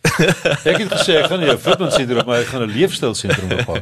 ja. Lekker wees vir mense om daar te kan wees. Ons het vir hulle rusbanke gesit en koffie vir ja. hulle gratis gegee en 'n groot tafel waar ons moet kon gesels oor oor hulle toere en alles en so 'n gedeelte daarvan het ons dan nou vir hulle uh, jy weet 'n buffer en 'n 'n wenas en 'n suspensie en wat ook al verkoop. Ehm um, en het ontsettend gesukkel aan die begin. Finansiëel gesukkel. Oor oor daai huur of wat was dit? Oor die huur wat ons moes betaal. Want ons soos die besigheid op papier eh, het gewerk. Dis net hierdie ook nie heeltemal noodwendig dit nie. Moenie dink dat Voetspore was nice nou al reeds 'n redelike bekende brand gewees. Maar iemand wat uh, 100 000 rand aan sy kar wil kom spandeer, sal my in die oë kyk en sê, jy kan miskien 'n goeie televisieprogram maak, maar hoe weet ek as jy die ding aan my kar gaan doen, gaan dit werk? Hmm. Hoe weet ek as ek in die middel van Kahukuland staan dat my ekstra brandstoftank wat jy vir my ingesit het, nie gaan lek nie? Ehm um, dat my dubbelbatterystelsel wat jy geïnstalleer het, gaan funksioneer dat my vleis vleis nie vrot word of my bier warm word nie. Daar's 'n klomp goed wat eintlik net met tyd kom. Mm. Mm. Die ouens moet jou leer ken, moet weet dat dit wat jy doen daar is goed en is betroubaar. Mm. En 'n televisiereeks is een ding, jy kan jy kan my televisiereeks kyk, jy kan 'n DVD koop, jy kan dit geniet. Jy kan saam met my kom gesels, jy kan hoor van my avonture, jy kan my vertel van jou avonture. Maar dit beteken nie dat jy al reeds gaan belê in my brand nie. Mm. Miskien 1%, 2%, 3% van die mense, maar nie 100% van hulle nie. Mm, mm, mm. Ja, dis dit is vermaaklikheid. Dit jy sal nog steeds na jou oor kan die pad toe gaan en daar sy goed gaan koop, daar sy installasie gaan doen. Die ouens het al vir jare lank bestaan. Die ouens het al vir jare lank al reeds daar is. So dit het 'n hele klompie jare geneem voordat ons op daai punt uitgekom het. Vandag gaan dit natuurlik baie beter en baie gemakliker en regtig ehm um, ons is nou daar waar die mense ons ook vertrou dat hulle weet dat dat dat, dit wat ons doen is is regtig iets wat wat wat vir ons goed is. Mm, mm, mm. Uh dat dat hulle dat hulle kan uh, uh blindelings by ons instap en sê doen met my 4 by 4 wat wat wat ek weet dat ek kan die ervaring gaan beleef uh wat julle beleef op televisie en ek sal terugkom ek en my vrou en kinders sal veilig wees mm. uh en en alles wat daarmee saamgaan. Mm. So dit het 'n hele klompie jare gevat om dit gevestig te kan kry. Het julle so wat hoe lank was julle toe nou in die, in in Woodlands uh, Mall en en, en het julle toe 5 jaar daar gewees? En toe sit nou, okay, ons moet en, nou uh, toe skuif ek na 'n plek toe waar die huur net eenvoudig heel wat goedkoper is. Maar dis nou 'n one-stop shop. Dis 'n one-stop shop waar jy alles wat jy by die by die voetspore winkel kom doen is om jou toe te rus om te doen wat ons doen. Ons doen jou voertuig vir jou van kop tot tone. Ehm um, van so, ja, van sy kroontjie tot sy toentjie sou hulle sê. Die so ek ek ek gee vir jou absoluut alles in jou kar wat ek in my voertuig het. Maar dan gee ek vir jou 'n klompie goederes ekstra. Ek gee vir jou uh jou klere, ek gee vir jou jou kaarte, ek gee vir jou jou jou muskietweerder dat jy nie malaria moet optel langs die pad nie. En dan veral belangrik, ek gee jou kennis. Ek help jou om jou toer te beplan, waartoe jy moet gaan, wat jy kan doen en alles wat daarmee saamgaan. Uit die winkel uit is daar 'n en daar 'n verdere komponent ontwikkel, naamlik voetspore safaris. Die vraag wat ons die heel meeste kry omtrent is kan ek saamgaan? Mm. Uh, dit lyk lekker. Ons sit daar op 'n kampvuur, drink 'n rooi wyntjie, braai 'n choppie iewers in die middel van Afrika, kyk na die ondergaande son. Dis net lekker. Mm. So kan ek saamgaan. Mm. Nee, jy kan nie saamgaan met die televisiereeks nie. Ons is 4 6 ouens in ons werk. Mm. mm uh, dis ons prioriteit. Die, ons het een baas. Sy naam is die kamera. En as die kamera moet rol, dan moet hy rol. Ja. En dan help dit veel of jy in daai stadium moeg of siek of of gatvol of of of wat ook al is. Ja. Die kamera so ons werk. Dis skep ons die ding van ja, jy kan saamgaan. Voetspore safaris. Ons reise is 3 maande op 'n slag. Skielik eh, kom ons agter my, kan nie 3 maande saam gaan nie. Mm, mm, mm, maar nou sê ek, kom ek vat jou vir 10 dae lank Kahukuland toe. Mm of vir 6 dae lank teen die Weskus of vir 18 dae Angola toe. En so aan en so voorts. Hmm. Uh, my dogter Nina bestuur hierdie besigheid. Um, uh, sy sorg dat jy elke dag iets behoorliks het om te eet en teenoor iets baie lekker. Ons het in voetspore groens groens daar en dit dat 'n mens kan net veel lekker eet. Jy hoef nie van bully beef ja, ja. en en sweet corn uit 'n blokkie te lewe nie. Ehm um, so ons gee vir jou lekker kos, ons vat jou na veilige plekke toe, ons vat jou na interessante plekke toe en so en al wat jy saambring is jou voertuig en jy gooi jou brandstof in en jy moet jou slaapplek hê. Mm. Die res gee ons vir jou. Ons gee vir jou 'n gids, ons ag en alles wat daarmee saamgaan. So dis 'n dis 'n nog 'n been wat ontwikkel het uit so ons in die televisiereeks vir die brand gevestig het. Mm -hmm. Toe ons die internetwinkel gehad daarna wat wat reeds nog baie sterk is in hierdie stadium. Toe ons die bricks and mortar, die baksteen mm -hmm. gebou gaan vestig en dan het ons nou vandag het ons nou ook dan voetspore safaris mm wat ook verder daarin saamgaan. En nou is ons besig met met met 'n vyfde been daar met 4x4 verhuurings. Ons kom agter mense het nie noodwendig jy weet jy kan vir jou 'n cruiser gaan koop vir 700 000 rand en dan bring jy hom vir my en ek kan vir jou baie maklik nog 300 000 rand op hom spandeer. Daar's 'n miljoen rand se kar wat jy hoe lank gebruik. Mm. Ons het nie soveel verlof nie. Nie almal het so maar sê 3 weke 'n jaar. Om 'n miljoen rand te spandeer mm. vir 3 weke 'n jaar is miskien bietjie baie. Mm. Daar is ons vir te doen natuurlik. Ja, ja. Maar nie almal nie. So nou gee ek eerder vir jou volledig toegeruste voertuig. Mm. En jy kom hier by my vir R2000 'n dag, R2500 'n dag. Maak dit soveel meer sin. Hmm. Ehm um, so dis 'n dis 'n komponent wat so hierdie hele ding Jacques het eintlik maar uitgebrei van van ouens wat 'n TV-reeks gemaak het, 'n brand gestig het half het het, het hy net ontwikkel soos ek jou gesê het in die voetspore van die grootes wat tradisionele migrasieroetes van olifante volg, het toe voetspore geword. Het toe naderhand 'n nommerplaat ge geword waarop daar se voetspore staan en het nou al hierdie ander komponente begine bykry. Ek het al hoe meer en meer uit die televisie uh uh, uh ding begin beweeg. Ek doen een een TV reeks 'n jaar of miskien een elke 2 jaar. Ons het nou in in 21 jaar 14 reekse gemaak. Ehm um, so ek is nie meer so diep in die televisiereekse in nie alhoewel ek weet die ding wat vir my interessant is om nog steeds te doen is om op 'n tog te gaan deur Afrika, deur Indië, deur Madagaskar en dit te dokumenteer en dit terug te bring en vir ander mense te kom vertel. Ons vertel eintlik maar net 'n storie. En daai storie, weet ons, het het 'n paar reëls wat volgens hy loop. Jy moet 'n begin, 'n middel en 'n einde hê. Nog steeds. Hmm. En of dit nou 'n uurlange dokumentêr is of wat die geval ook al mag wees, dis hoe die storie vertel moet word. En op daai manier hoop ons om nog steeds vir jare wat kom kykers voor die televisie voor die televisie stel te hê wat daarna kyk en saam met ons as leunstoelreisigers dit dit te geniet. Hmm maar dan ook die res van die brein te gaan benut mm. deur by die winkel aan te gaan, deur homself toe te rus om of saam met ons of op sy eie sy eie, eie ervaring te gaan te gaan beleef. En ek dink dit is weer die opwindende ding van 21ste eeu. Is weer daai ons praat daai daai herverpakking van die inhoud nê. Nee. En in hierdie geval is is herverpak in uh, eh, DVD, ja. dis herverpak in 'n lifestyle center, nê, nee, 100%. So kom ons daai ek wil 'n bietjie fokus op daai ek wil hierdie hierdie jobbies wat julle doen op op die ouens sê jy sê 300 000 rand. Ek bedoel dis nie somme maar net, dis nie klein geld wat wat julle daar uh, ek weet ook jy het laas genoem julle uh, die die die toere is is is is is baie butiek is om jy weet dis nie 50 ouens nie uh, is klein groepies nê nee? ja. hoe, ja. hoe hoe lyk hoe lyk hoe lyk daai struktuur ons sal nooit meer as 12 voertuie vat nie 24 mense uh verkies eintlik die die die nommers wat lekker sin maak is 10 want ons stuur twee karre saam. Jy weet ons moet kos maak vir die mense. Dis nie wildernis. Mm. en ons wil nie net vir hulle kos maak ons wil vir hulle iets besonders maak. Ja. Ehm ja. um, en ook jy kry kan jy weet as, as jy 24 mense kan op 'n kampvuur sit, maar 50 mense sukkel om om een kampvuur te sit. Mm. Ehm mm. um, ek dink jy laas ook gesê dit vat lank. Jy moet nou wag vir almal om aan te kom voor jy kan kos maak. So daar's baie onpraktiese. Daar's dit, daar's radiokontak tussen voertuie wat se konvooi te lank is dan dan die voorstou kan nie hoor wat die agterstou sê nie en en en omgekeerd ook dieselfde. So ons dis kleiner groepe. Ehm um, die oomblik as jy oor oor 10, 12 karre gaan dan moet jy 'n derde gidsvoertuig begine saamstuur. Dan begin die sommer die somme nie meer lekker top nie. Mm, mm. So dit is ook alles moet moet finansiëel sin maak ook mm. op jou end.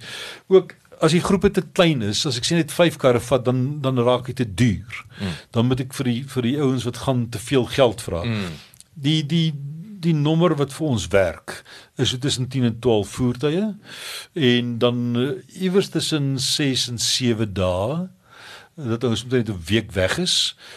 Uh, langer toere is byvoorbeeld Angola toe jy nou nie 'n keuse nie. Dit vat jou 3, 4 dae net om daar te kom, kom ja. voor die toer begin. En 3, 4 dae voor jy terugkom. Mm -hmm. So daar's klaar 'n week weg. Ja. Maar uh, maar dis ja, dis uitsonderlike toer. Uh, meeste van hulle Namibië toe hierso Weskus, Rigtersveld. Ons gaan nou Willekes toer ook doen. Ons gaan ons gaan binnekort uh, vir tweede keer op Levuvu toe uh, in die noordooste van Suid-Afrika. Ehm um, daai toere is so 5, 6, 7 dae. Dis dis die dis die nommer wat vir ons wat vir ons sin maak. As ons nou 80/20 kan doen op op op die besigheidsmodel, waar is waar is die groot geld? Is dit is dit daai Ek wil sê dit wanneer terug by daai voertuig kom. Die aanvanklike geld was duidelik in die televisiereeks gewees, maar die televisiereeks is amper 'n een, eenmalige betaling. En dan het jy hom nou gemaak, uh die uitsaaier het jou betaal en dan um, ek was in 'n stadium en dis miskien hoekom hoekom ek dit uitgebrei het net van na die televisiereeks na ander goederes toe ook. Ek was 'n bietjie soos 'n uh, uh hond wat sy eie stert jag. Um as die een reeks klaar is, uh, dan is die geld omtrent ook klaar. Want dis waarvan ek geleef het. Ek mm. betaal om my, my kameraman en my redigeerders die hele lot en ek en my gesin lewe van van wat oorbly. Mm, mm. En as die reeks klaar is, dan moet ek die volgende een maak want ek, want daar's daar's nie daar's geen uh uh uh tantieme wat daar uit voortvloei. Mm, mm, mm. Jy het 'n bietjie daaruit gekry uit die uit die uh verkoop van DVD's en dis meer. Uh, maar dit is maar ook beperk geweest. So jy sit nou een of ander uh uh jaargelde wat inkom of 'n tantieme wat wat hmm. inkom. Ehm um, en en die kan jy alleen kry deur iets te dit dit wat geld maak terwyl jy slaap. Mm, daai daai mm. tipe van konsep. En dit kon ons alleen doen deur die winkel te gevestig het. Want nou kan jy dit vroeg agtergekom. Dit was uh, of dit was dit nou maar ek het gehoop om vinniger iets daai te maak.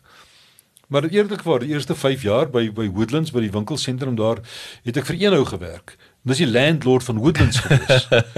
Jou klas geld gewees. Dis dis nie dis nie goeie geld nie. Ja, jy weet ja. en dis pragtig die parkeertreine wat hulle daar ja. en, en al so ja. wat hulle daarmee saam kan doen en vir hulle in in en ek was in die landlord se kantoor keer wat gewees en dis nogal spoggerig gewees. ek sou nogal self dit wou gehad. Maar ja, so ehm um, in daai opsig was dit 'n fout geweest, maar dit was ook dit was dis die skoolgeld wat ons betaal het. Maar maar nou kan ek ontwikkel en werk aan 'n volgende televisiereeks terwyl ons winkel steeds aan die gang is. En François en sy span by die by by die winkel doen uitstekende werk terwyl ek nie daar is nie. En en ek ek hou aan om die brand verder uit te bou uh bekend te stel op 'n verskeidenheid van terreine uh in so en dit help vir François hulle om mense te trek na hulle toe. En nou na soveel jare is dit al werklik waar die geval van die een nou vertel vir sy vir sy chommies, vertel vir sy seun, vir sy pa, vir wie ook al dat uh dat daar is die plek waar jy betroubare uh fitment van jou voertuig kan kry. En daarom doen die winkel toenemend beter. Inteendeel, hy doen uitstekend op die oomblik in 'n post COVID-19 tyd doen hy beter as ooit. Ehm uh, en in in in in ek dink dit is maar net omdat dit oor die jare het gekom. Ja, uh, op die lang termyn dink ek sal dit die ding wees dat uh, dis maar my pensioen wat daar lê. Mm, mm. Dis die ding wat my uiteindelik en ook as ons naderhand nou met voetspore uh, 4x4 verhuurings terwyl daai voertuie ry, kan ek miskien by die by my huis op Kleinmond sit en en en en, en werk aan 'n nuwe konsep mm. of 'n nuwe plek waarna ons wil gaan of 'n nuwe boek skryf mm. of, of of wat die geval ook al mag wees ten opsigte van van al, anders wat rondom die brand gaan. Ek ek werk meer aan die brand in hierdie stadium as wat ek werklik waar werk aan aan dit wat wat wat wat geld inbring vir die uh, uh, vir die groter voetspore gemeenskap. En en wat ek hou van en wat jy sê weet dit is is passie gedrewe. Jy jy hou aan terugkom na dit wat jou eerste liefde is, ja. nê? Nee, en ek dink dit is so belangrik, maar daar is 'n daadwerklike besigheidsmodel. Ek dink altyd soos hulle sê daai jy weet doen wat jy lief is en dan jy weet dan gaan jy suksesvol wees. Ja, maar jy moet 'n besigheidsmodel om daai passie hê. Andersins is jy maar nou net 'n arm kunstenaar of was 'n poet en 'n en jy weet jy ja. daar moet 'n besigheidsplan om om daai Ek het vroeg vroeg in my lewe agtergekom dat ehm um, alhoewel ek entrepreneurs opgetree het van 'n jong ouderdom af. Was dit nog nooit het ek nog nooit werklik waar rykdom nagestreef nie. Eintlik maar net sakgeld of uh, hmm. iets om dat ek nie iemand anders in die oë hoef te kyk nie. Maar ook ek het baie beslis geweet dat 'n dat 'n mens 29 dae van die maand gelukkig moet wees en miskien eendag ongelukkig as wat jy 29 dae ongelukkig is en eendag gelukkig. Bedoelende daarby die dag wanneer jy jou salaris kry, moenie die enigste dag wees wanneer jy gelukkig is nie. Mm. Uh as jy moet moet en ek sê dit vir my kinders en my seun is oomblik hy hy uh uh is besig om homself nou uh, uh, te bekom as 'n CFA, hy wil 'n chartered financial analyst. Hy wil vir mense gaan verduidelik hoe om hulle geld te belê. As dit vir hom lekker is om dit vir hulle te verduidelik, hou daarmee aan. Mm, mm. Ek is seker hy gaan baie suksesvol wees finansiëel. Maar moenie as dit vir hom lekker is dit nie nie doen nie. Mm, mm. Nie nou my dogter wat wat in voetspore safaris is, sy sy sy kan nie elke enkele oomblik van die dag is vir haar lekker om te werk. Mm. Want want sy sy sy's van nature is 'n bietjie van 'n pleaser, dis dis haar persoonlikheid. Waar beter kan jy 'n pleaser in diens stel as iemand wat wat mense vat op na 'n wonderlike bestemming, mm. jy gee vir hulle lekker kos, uh, jy vertel vir hulle van mooi stories en hulle en, en, en alles wat daarmee saam gaan. Kom terug en hulle is net gelukkig. Mm. Uh so dis wat 'n mens moet doen in jou lewe.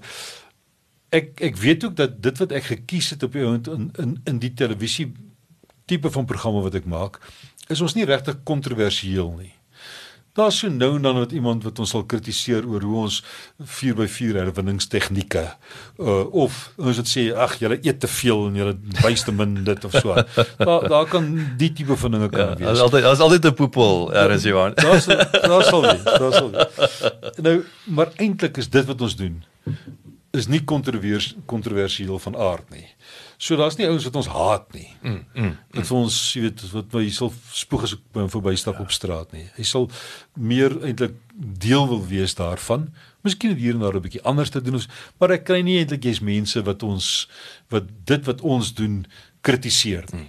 Ehm um, so ek, ek ek is baie baie tevrede in dit wat ek doen en dis waarmee ek wil aanhou. Gelukkig kon ek daar uit iets uit daar uit skep wat wat dan vir my moontlike pensioen sou sou kom betaal deur die winkel, deur die internetwinkel, deur deur die verhuurings, deur die safaris. Ek vir nog drie vrae. Ek gesels verskriklik lekker met jou en ek weet jy's 'n besige man, so ek gaan jou langer hou nie. Vertel ons 'n bietjie die Toyota storie. Toyota het begin bekommerd raak uh oor die maar nou wil ek saam met die Toyota vraag wat daai was vir my baie interessant gewees hier daar gesê het is hoeveel borge kry mens? Ja. Weet waar trek jy die lyn? Ek dink dan in Formule 1, ek is nou 'n Formule 1 fan is ja. nou weer volgende was dit nou nou hierdie Sondag, ek kan nie onthou wanneer die eerste uh reise is nie, maar ek bedoel daar is altyd my laat my oë traan as as daar 100 borge op is, dan dink ek ja, jou sakker, jy weet dis nou maar dis daar's net een wenner. Waar trek jy daai lyn met met met die hoeveelheid borge? En dan ja, so ek sê vertel ons 'n bietjie die Toyota 'n navorsing Die eh, die antwoord met aan hoeveel borge jy wil kry is is eenvoudig een. 0. Niks. Die oomblik as jy 'n borg het, het jy 'n ander baas. Het jy iemand anderste wat jy uh, aan verantwoording moet doen. Ek het ook al baie keer met borge gewerk, maar jy moet daardie borg gelukkig hou. mm, Ek sou verkies om die storie die baas te maak. Ek het net ook gesê die kamera is die baas. Mm. Wat ook al gebeur voor die kamera, is dit wat die storie moet vertel.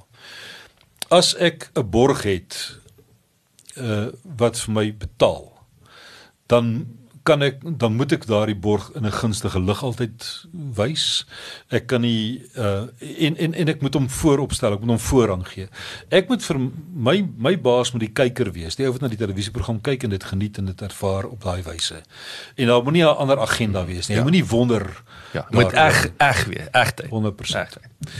En ek het oor die jare het ek tog altyd ek het verwys nooit na na borge nie, maar maar ek het wel 'n klompie vennote. Mense wat saam met my die pad stap. Ehm uh, mense wat my van hulle toerusting gee, partykeer om te toets, baie keer van die toerusting wat So 'n ek bietjie kry. 'n trade agreement wil ek sê, weet jy, ja, ruilhandel. baie van hulle uh, moet ek koop wat ook oké okay is baie van kry ek miskien teen kosprys. Uh so ek wil in geen stadium voorgee dat ek vir daardie Toyota voertuig volledig toegerus die een waarmee ek ry 'n miljoen rand betaal het nie. Ons leen die voertuie by Toyota. Dit was ook nie altyd Toyota gewees nie. Ons het begin met Land Rover en toe in die tweede jaar het ons na Toyota toe oorgegaan. En toe begin die uitsaaier kyk net en daai staan begin aandring op borge. Mm. En Toyota het gesê ons borg nie. En toe vir 'n jaar of twee het, het voetspore stil gestaan. Toe het Nissan gesê ons sal borg. Toe het ons 3 jaar lank met Nissan gery. En op 'n oomblik sê ek nie maar ek, ek verkies eintlik om terug te gaan Toyota toe. Toyota is die voertuig van keuse vir dit wat ons doen. Dis ons terug na Toyota toe. Uh, met ons Casablanca tot die Kaap reeks. Toe uh, die, ons die volgende reeks wil doen Gallus Alexandrië toe het ons 'n bietjie van 'n dispuut opgetel by 'n by 'n persoon wat gewerk het by Toyota. Ehm um, oor nee, dispuut nie uh, dit was ek, hy wou vir ons Toyota Arctic trucks gegee het wat nie werklik waar sou gewerk het nie en en toe op nommer 99 toe het hy 'n alternatief nie. Dit is ek maar ek ry. Ek het 'n uitsaai datum. Dit beteken ek het 'n opname datum. Dit beteken ek vertrek op 'n sekere dag. Mm. En uh, toe het uh, juis in daai stadium het, het Volkswagen hulle Amaroks bekend gestel. Hulle het verneem daarvan dat ons ehm um, voertuie nodig het om mee te ry en dat uh, daar 'n bietjie van 'n issue is by Toyota en ons gekontak en gevra of ons hulle Amarok sou vat. Uh dit is vir my gelyk na 'n sagter opsie as die as die cruisers waarmee ons gery het en maar ek het gesê kom ons gaan probeer hulle en ons het vir 3 jaar lank met Amaroks gery. Ek sal nie vandag vir jou sê dat dit 'n slegte voertuig is nie, dis eintlik inteendeel is 'n baie groot gerieflike ruim voertuig. Uh ek kan min fout vind met 'n Amarok. Maar dis nie die voertuig wat waarmee wat nie doel gemaak is vir dit wat ons doen nie. En toe so 6 jaar gelede toe het uh, Kalfyn Haman wat uh, senior visiepresident bemarking by Toyota was my eendag gekontak en gesê dink jy nie ons moet 'n koppie koffie gaan drink nie wat toe geëindig het op twee bottels wyn. Uh en my gesê wil jy nie huis toe kom nie. Ehm um, ek wil nie ander fabrikate afkraak nie. Ek weet daar's goeie Fords en ek dink Gelandewagen is goed en ek dink Amarok is nie sleg nie en ek dink die Isuzu's is ook goed. Daar's so 'n verskeidenheid van voertuie en en ek dink nie enigiemand moet weerhou word daarvan om te gaan reis as gevolg van die fabrikaatvoertuig waarmee hy ry nie. Maar dit is nou maar net een keer so dat die voertuig waarmee 'n mens ry as jy in Afrika wil ry is 'n Land Cruiser Toyota Land Cruiser 70 reeks. Ek sal ook nie eers heeltemal met die 200 of nou die nuwe 300 uitkom of met die Prado of so nie. Ons die sweet spot het ons nou geslaan die afgelope 5, 6 jaar. Dis die 70 reeks of die dubbel kajuit of die enkel kajuit of die 76 stasie wa. En dis die voertuig wat vir ons dis nie die gerieflikste voertuig nie. Dis nie die ekonomiese ekonomiese voertuig nie.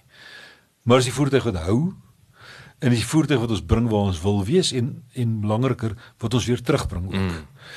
Ehm um, daar's die grappies teenoor opsit van Land Rover en al so is bestaan al die jare nog steeds. Dis al vir my hoor. Dis dis dis te verstaan hoe dit kom. Ja, ehm um, en uh, ek dink hierdie nuwe Defender is, is 'n pragtige voertuig. Maar dis nie die kar waarmee ons wil ry nie. Hmm.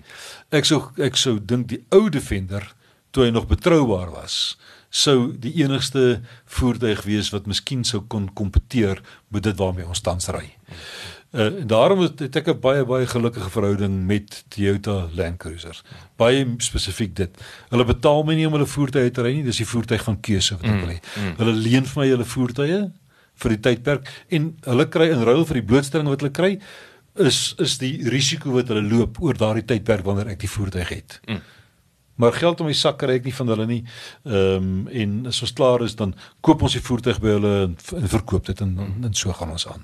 Dis die storie. En dit kom weer en is fantasties weer as ek dink aan daai uitvieringsbesigheid van julle nê. Nou nou vat jy sommer daai selfe lot en dit word jou jou jy gaan hierom uit. So Absoluut, dit is 'n ja.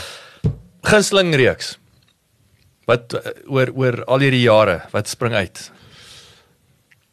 Natuurlik die eerste een, geen twyfel dat die eerste een sal sentiment. Ja, ja, ja. En ook die wyse waarop waarop ons dit destyds gedoen het, was net soveel anders te gewees as dit wat ons as wat ons vandag te doen. Ons het self naïef omtrent in dinge ingegaan. Maar dit was regtig uitstekend geweest. Maar daarna het klompie reekse het nog nog steeds uitgestaan. Ek dink amper die moeilikste ene en juist daarom die beste ene was waarskynlik die ewenaar geweest. Uh baie die onbekende ingegaan en en baie uh, gewonder oor oor oor wat lê om die draai. En op 'n eind vasgevang gesit vir 3 weke lank op Kisangani wat ons nie daar kon wegkom nie. En éventueel op 'n op 'n op 'n barge gesit op 'n op 'n boot vir 28 dae op die Kongo rivier. Jy weet uh, uh yes. en so dit het 'n bietjie dit het 'n bietjie in die met die kop begin smokkel ook. Hmm. Ehm mm. um, Maar as jy terugkyk vandag daarna is dit verskillik. Dit is 'n lekker wat jy nooit oor of in hindsight. Nou 'n lekker wat jy nooit oor oor wil hê nie. Ja ja. Ja, so ek dink amper die die die ewenaar reeks. Ehm um, Maar ja, Madagaskar was natuurlik ook uitsonderlik geweest. Indië, Indië het ek en my seun met motorfietsse gedoen uh, met backup deur twee cruisers. Ehm uh, dit was vir my ook weer iets absoluut besonders geweest. Ehm uh, so ek ek kan nie eintlik sê daar's een reeks wat nie wat nie goed was nie. Elkeen van hulle kan ek vir jou 100 hoogtepunt uit uitsonder. So wat daarbey lekker aansluit en dit is my laaste vraag. Ek bedoel jy het jy het 'n bietjie in Rusland gaan rondloop, sien hoe hoe en ek bedoel is interessant ook vertel vir die vir die luisteraars wat het daar gebeur ook, nê, nee, met met jou eie paar goed gedoen YouTube gegooi ja. en toe jy ooit vir nou nou eh, sien jy 'n bietjie voetspoor internasionaal? Is daai dalk 'n addisionele handelsmerk? Of hoe lyk die toekoms? Ons het begin kyk na na na ehm um, na die BRICS lande. En daarom het ons Indië gedoen het 'n paar jare terug en ek wil nog Brasil ook doen en Rusland en mm -hmm. China gaan die moeilikste een wees van die lot want jy kan nie in China self bestuur nie. Ja soos 'n klomp beperkings daarop. Maar so ek was Rusland toe gewees om te gaan kyk om deur Rusland te ry en ek het ek en my vrou toe sommer met die uh met die Transsiberië reg oor Rusland gery van Moskou af tot in Vladivostok en ek het dit afgeneem met uh, uh net op my eie en uh dokumentêre filmpie daarvan begin maak waarvan deel 1 tans op YouTube te kyk is uh, deel 2 3 4 en 5 lê nog daar ek moet hulle gaan mekaar sit. Ehm um, en die uh, idee was om laas jaar in, oor Rusland te gaan ry. Ehm um, dit uh, dit het ongelukkig nie plaasgevind nie as gevolg van COVID-19. Inteendeel, toe ek in Alma geland het op Wartambo 6:00 die aand, toe ons teruggekom het van Rusland af, toe sê die dame vir ons by by immigrasie, "Welkom tuis. Ons maak 12:00 van nag toe." Oei. Ehm um, so ons het dit so met 'n paar ure gemaak. Toe toe gaan dit die grendeltydperk. Dit was dan ja, dit was dit was 29 Maart dink ek. Is ja. nou volgende week, né? Nee? Ja. Jaar terug. Ja. Sjoe nou gewees. So Rusland is nog steeds ek het vandag 'n e-pos gehad van Mikhail Fatiev, 'n uh, manie uh, Russiese oom wat vir my help in Rusland om die dinge reg te maak. Hy sê weet wanneer kom julle? Uh dit sal nie vanjaar gebeur nie. Dis nog te onseker. Maar as ek nou my sin kon kry, dan sal ek volgende jaar in die middel van die jaar ehm um, Magadan tot by Vladivostok ry met 'n Ural motorfiets.